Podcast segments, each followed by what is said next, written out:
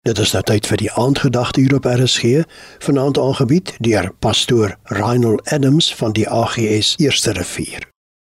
Goeienaand luisteraars. Weereens 'n voorreg om saam met u te praat oor God se voorsienigheid. God se voorsienigheid vra vir 'n offer. Ons lewe in tye waar mense in baie opsigte net aan die ontvangkant wil wees.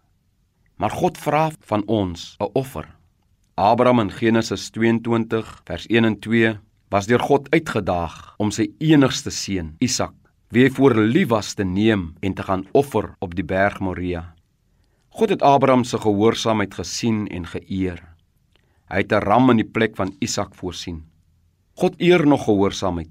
Baie keer voel dit vir ons of dit wat God van my en jou verwag te veel is.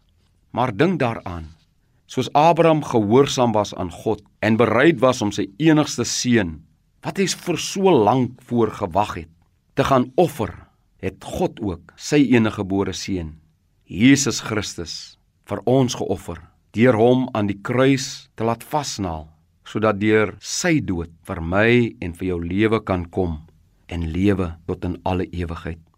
Al wat God van my en jou vanaand vra, is dat ons ook in ons harte sal onderneem om vir hom, soos Psalm 116 vers 12 sê, wat sal ek die Here vergelde vir al sy weldade aan my? God verwag 'n offer van my en van jou. Kom ons bid saam. Vader, baie dankie dat U U beste vir ons gegee het.